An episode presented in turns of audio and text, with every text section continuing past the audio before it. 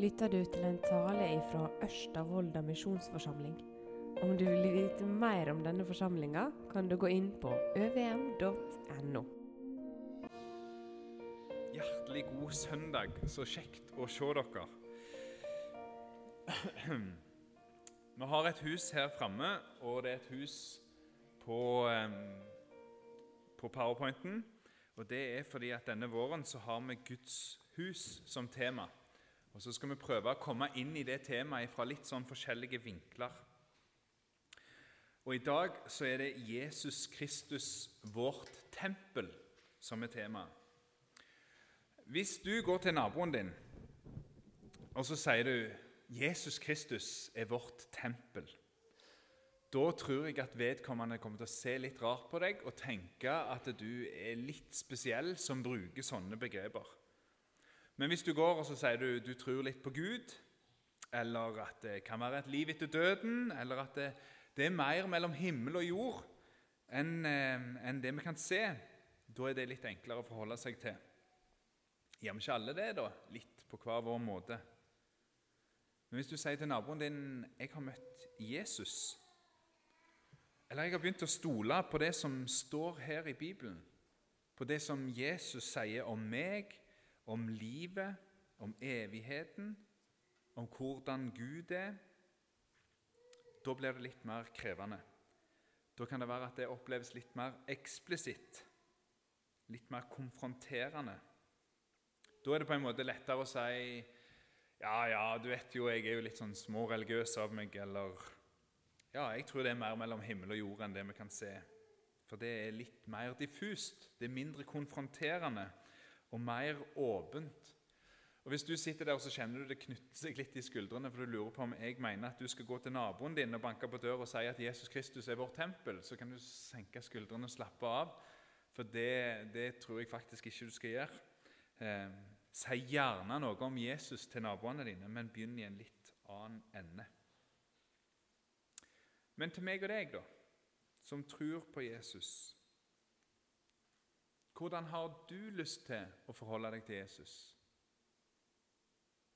Vil du helst at han skal være litt sånn ullen, udefinert, litt sånn på en armlengdes avstand, litt åpen for ulike tolkninger.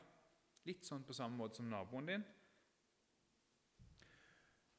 Eller har du lyst til å se Jesus inn i øynene og møte han som den han er, og følge han med hele livet ditt?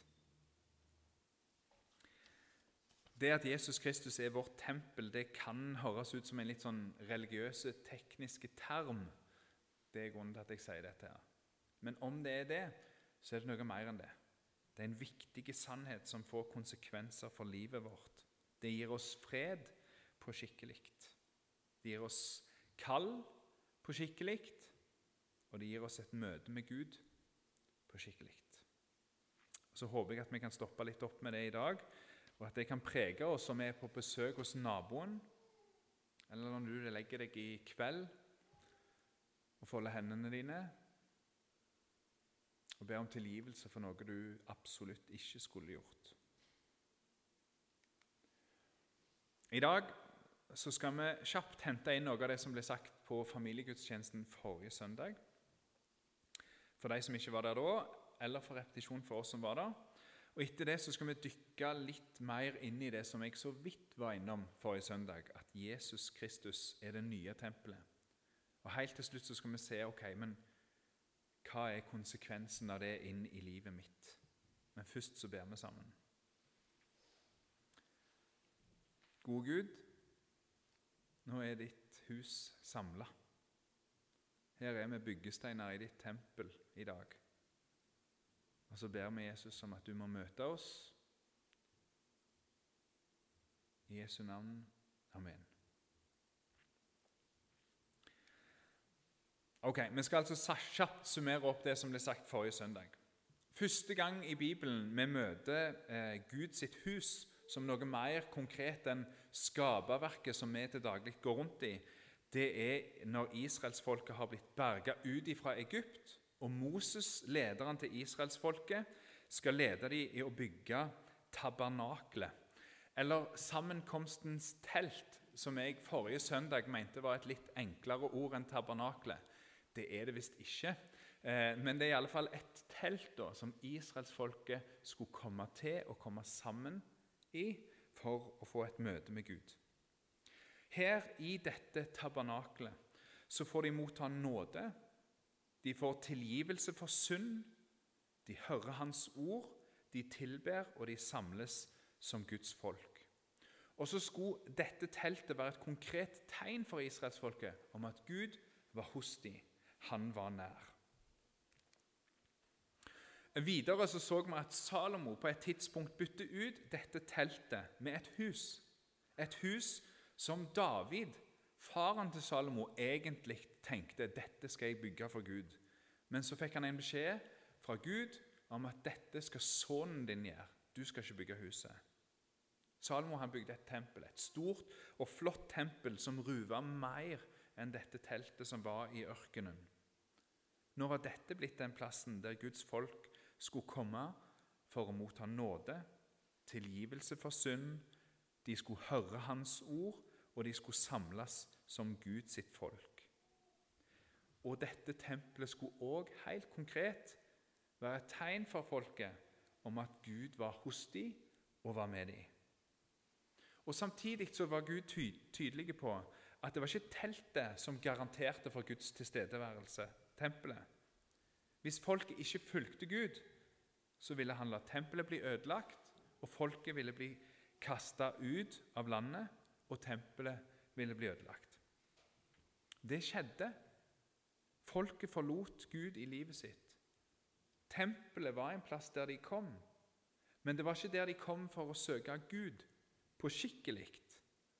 Han som var deres Gud, som hadde en konkret vilje for dem, som ville noe inn i livet deres.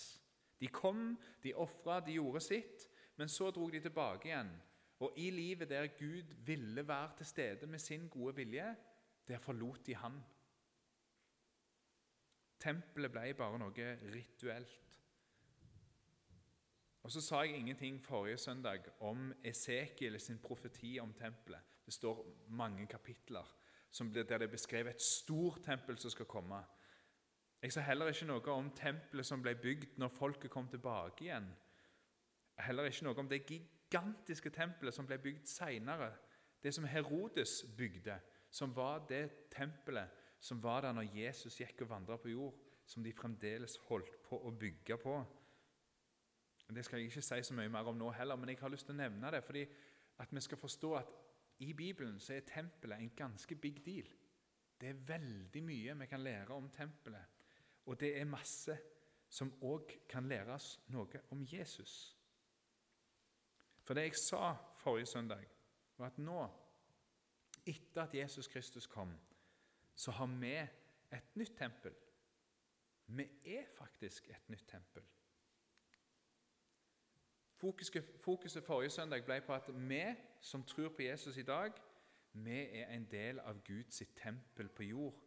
Men det er vi fordi vi er i Kristus, fordi vi tror på Han. Og Det er det vi skal prøve å dykke litt mer inn i i dag. Hva i all verden betyr det at Kristus nå er Guds tempel? Men først skal vi ta med oss det siste punktet som var forrige søndag. Gud han bruker i åpenbaringen et språk om himmelen som knyttes opp til tempelet. Noe tempel så jeg ikke i byen, for Herren Gud, den allmektige, og lammet er tempel der. Da, når denne tidsalder som vi lever i nå, når den er forbi, da skal Gud sjøl komme, og så skal han ta sine til seg. Og der vil han være fullt og helt. Og så skal vi få se han sånn som han er. Vi skal få være hos Han der alt er godt. Der er synd, død, smerte, sykdom. Alt dette er vekke. Gud med sitt nærvær har fordrevet alle disse tingene. De passer ikke i hop. De kan ikke være der han er. Men så får vi likevel være der. Og hvordan er det mulig? Jo, Gud han gjorde noe. Guds tempel kom til oss som Jesus Kristus. Vi skal se på noen tekster om dette. Hvis du åpner Bibelen din i Johannesevangeliet så begynner du å lese der, så kommer du til kapittel 2. Og Der leser du en av de mer dramatiske episodene i Jesus sitt liv. Jesus han er sint. Det er ikke sånn ukontrollert, men han er grepen av handlekraft, og han handler voldsomt. Han er på tempelplassen, og så står det at han lager seg en svepe, en pisk av tau, og så jager han ut kyr, sauer, handelsfolk, pengevekslere. Han rensker ut Guds hus, fordi dette huset er ikke en markedsplass. Dette er ikke en plass å komme for å gjøre deg rik. Det var ikke det dette huset skulle være. Dette var en plass for å møte Gud. Jeg tror ikke vi, når vi sitter og leser det og ser i Bibelen vår, at vi fatter hvor voldsomt dette er. Akkurat i påskehøytiden, da når dette skjedde, da var det tusenvis av folk som kom til Jerusalem. Masse mennesker. Det er akkurat som om Jesus skulle ha renska Stortingsplassen rett før 17. mai. Jagt vekk folk. Det var noe som vekte oppsikt. Det var noe folk la merke til. Hva er dette her som skjer? Disiplene de merka det, og de visste at en av de tingene som skulle kjennetegne Messias, det var at han hadde en brennende iver for Guds sitt hus. Og Så var det noen andre som merka det. I Johannes-evangeliet blir de kalt for jødene. og det, I Johannes-evangeliet refererer det ofte til de skriftlærde og fariseerne. De kom, kommer til Jesus, og så spør de han ut. Da tok jødene til orde og spurte han, kan du vise oss et tegn på at du har rett til å gjøre dette? Jesus svarer, riv ned dette tempelet, og jeg skal reise det opp igjen på tre dager. Da sa jødene, i 46 år har de bygd på dette tempelet, og du vil reise det opp igjen på tre dager. Men det tempelet han taler om, det var hans egen kropp. Da han hadde stått opp for de døde, hugsa læresveinene hans at han hadde sagt dette. Og de trodde Skrifta og ordet Jesus hadde sagt. Hva gir deg rett til å springe rundt her med en pisk og jage folk ut? Riv ned dette tempelet, og så skal jeg reise det opp igjen på tre dager. Når Jesus sier dette, så vet han hva han legger i dette. Men den gangen så forsto ikke folka dette. Disiplene som sto her og nå så Jesus sin brennende iver, de fikk med seg det. Men det var først når Jesus hadde dødd på skikkelig, når de så at livet ebba ut på Jesus på korset, og de tok han ned kald og stiv ifra korset fordi han var død. Og så ble han lagt i ei grav. Og så står han opp igjen tredje dagen, og så får de kjenne i hendene hans varmen, livet som pulserer. Da skjønner disse at dette var noe mer enn en mann som hadde brennende iver for Guds hus. Gud sjøl hadde kommet ned. Han var Guds tempel og Johannes, en av disse disiplene, han skriver om dette her i kapittelet før. I kapittel 1 står det Og ordet ble menneske og tok bostad mellom oss. Og vi så hans herligdom, en herligdom som den enbårne sønnen har fra far sin, full av nåde og sanning. Dette ordet 'tok bostad' det, det, kan oversettes 'slå opp sitt telt mellom oss' eller 'tabernakla imellom oss'. Og Det henspeiler helt tydelig på det teltet som israelsfolket hadde i ødemarka. Johannes han sier Gud har kommet. Gud har oppsøkt oss og tatt bolig iblant oss. Hans herligdom er ikke lenger bare der, helt der inne i det aller helligste. Men han har vist seg for oss. Vi har sett hans herligdom. Vi har sett ansiktet hans. Han har vist seg som Jesus Kristus, og han er lik sin far. Han er full av nåde og sannhet. Dette sier Johannes. Og så må vi forstå hva folk er det Johannes sier dette til. Jo, det er noen som har søkt Gud i livet sitt. De har kommet til tempelet, de har leita etter han, og så har de visst at helt innerst der, i det rommet der jeg aldri får komme, der er Gud. Ja, han er allestedsnærværende, og hele jorda er hans hånd, men der går det an å få et møte med Gud. Men jeg får aldri komme inn der. Og jeg kan aldri si helt hvordan Gud er.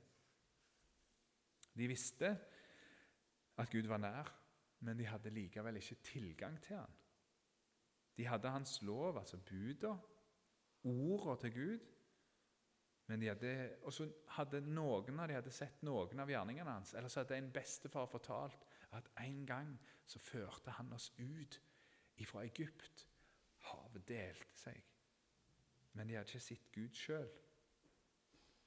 Nå kom han synlig for dem som menneske. Hans kropp var til stede fysisk hos dem. Og Når meg og deg får høre om denne mannen som rensa tempelet, da er det et møte med Gud. Han som har skapt himmel og jord. Han er det du hører om da. Fortellingene om Jesus, Guds ord, gir oss tilgang til Jesus på en sånn måte som en vanlig hebreer på den tida bare kunne drømme om. I Hebreerbrevet, et brev i Det nye testamentet mot slutten, som er et av de brevene som sier mest om de gammeltestamentlige ordningene, og fortolker dem, så vises det igjen og igjen at disse ordningene som var der, det var noe som skulle peke fram imot Jesus. Dette gjelder både presteordningen, ofringene, men òg selve tempelet. Det kommer jeg tilbake til. Altså, Disse institusjonene de skulle lære oss noe om israelsfolket. De skulle lære israelsfolket, og de skulle lære meg og deg noe om Gud. Bare spør deg, Hvis vi ikke hadde visst noen ting om disse tingene, hadde vi da forstått dette om Jesus? Vi skulle lære noe om Guds vilje. Vi skulle lære noe om behovet for frelse. Vi skulle lære oss at synd og skyld det er noe som kan sones og bli gjort opp. At Gud er en Gud som vil ta bolig hos oss. Hvis vi ikke hadde hatt disse institusjonene, så hadde ikke meg og deg forstått hva det innebar at Gud kom nær. Vi hadde ikke forstått hvem Jesus er.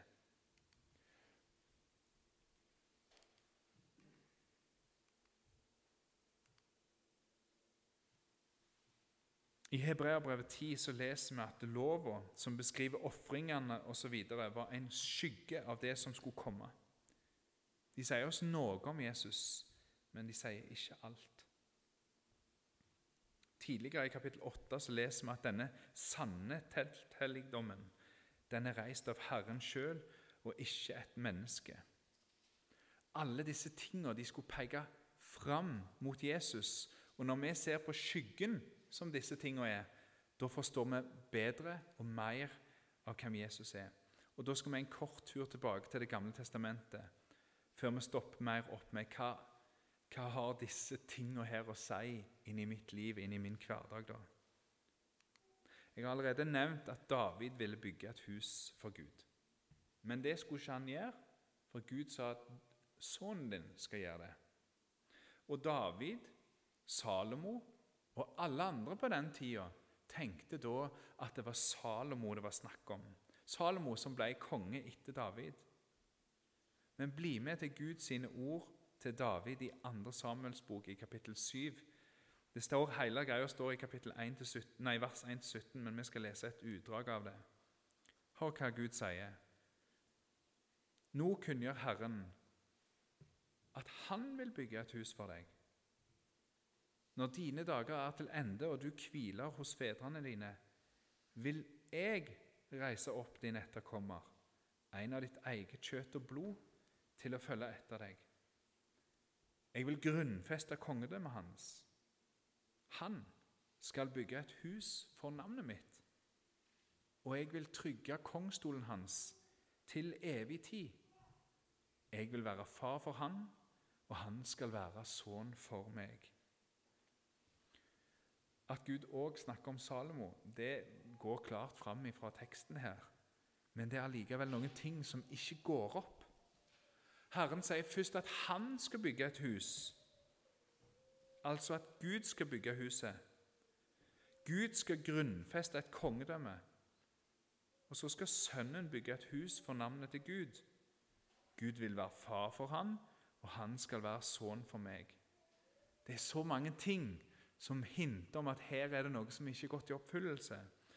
Og at det sikter mot Jesus, det blir tydeligst i det at kongestolen den skulle være trygga til evig tid. Sånn var det ikke med Salomo. Det falt. Kongsrekka ble brutt.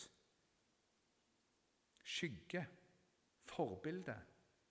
Men i Jesus Kristus, Davids-sønnen, som han blir kalt, han som kom i Davids ett, både på farslinja og morslinja, der blir Guds rike etablert her på jord. Guds egen sønn kommer til oss som Guds tempel. Da blir kongedømmet hans trygga til evig tid, når han vinner en seier over døden på korset. Der ble tempelet revet ned og reist opp igjen på tre dager. Teltet og tempelet har alltid pekt fram mot Jesus. For deg som vil tilbe Gud, skaperen av himmel og jord, så er Jesus plassen du skal komme til. Han er vårt tempel. Han er vårt tempel. Han er ditt tempel. Skaperen av himmel og jord kaller oss ikke til å søke det ulne eller udefinerte, det mellom himmel og jord som vi ikke vet helt hva er. Nei, han kaller oss til å søke Jesus Kristus og se Gud sjøl i Han. Gud har kommet nær. Han har tatt bolig. Gud er med oss, og du kan bli kjent med Han. Du kan se Han inn i øynene. Du kan lese om Han, og du kan møte Han. Hans vilje er synlig for deg om du våger å møte Han. Ja, men jeg ville så gjerne sett Han. Det har jeg sagt. Jeg ville så gjerne sett Han sånn at det ble enklere å tro. Ja, men kom til Han, da. Les og lev. Se hva Gud sjøl har sagt om Jesus. Han er sønnen min. Når vi hører apostlene, så hører vi Han. Jesus Kristus det er den plassen der du kan komme for å møte Gud. Og så får du komme helt inn. Helt nær. Den allmektige inviterer deg inn i fellesskap med Han. Hva var det som skjedde, på kors, skjedde når Jesus døde på korset? I tempelet. Dette tjukke forhenget som var imellom det aller helligste, der, der Gud var, det revna ovenfra og ned. Det Gud sier 'kom'.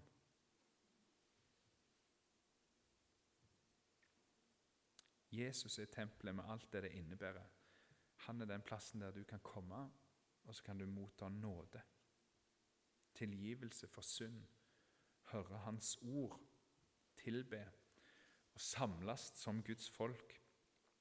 Her i forsamlinga vi, vi, vi, driver med forsamlingsbygging. Eh, Allikevel så samles vi ikke om et prosjekt. Vi har en visjon, men vi samles ikke om en visjon eller en strategi. Alt dette her skal bare hjelpe oss i én retning. At vi skal samles om en som er større enn det. En som er større enn oss. En person. En frelser. Jesus Kristus. Gud. Han er det vi kommer til. Han er det vi søker. Han er det vi har lyst til å hjelpe mennesker til.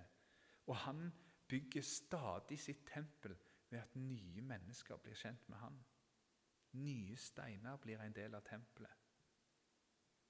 I kveld når du legger deg, da har du direkte adgang til Gud. Og du kan få takke Han for Hans gode gaver. Du kan klage til Han om det som er vondt. Du kan folde hendene dine og be om tilgivelse. Gud er hos deg. Og så kaller han meg og deg til å være hans synlige kropp her på jord, og gjør han synlige for hverandre. Vi skal lese noen vers fra Hebreerbrevet til slutt. Så har vi da, søsken, frimod ved Jesu blod til å gå inn i helligdommen, dit Han har innvigd en ny og levende vei for oss gjennom forhenget, som er kroppen hans. Og siden vi har en så stor prest over Guds hus, så la oss stige fram med ærlige hjerte og fylle visse i trua, med hjertet rensa for vondt samvitt og kroppen bada i rent vann. Der kan vi komme, for oss sjøl og i lag, og så kan vi tilbe Han her. Takk, Jesus, for at du er du er den plassen der vi kan få møte deg, Gud. Takk for at du viser deg at du vil være hos oss. Så ber vi om at du må minne oss om det når vi opplever at du er langt vekke. Når vi kjenner til at ting er fjernt. Minn oss da på at du har kommet og tatt bolig hos oss. I Jesu navn. Amen.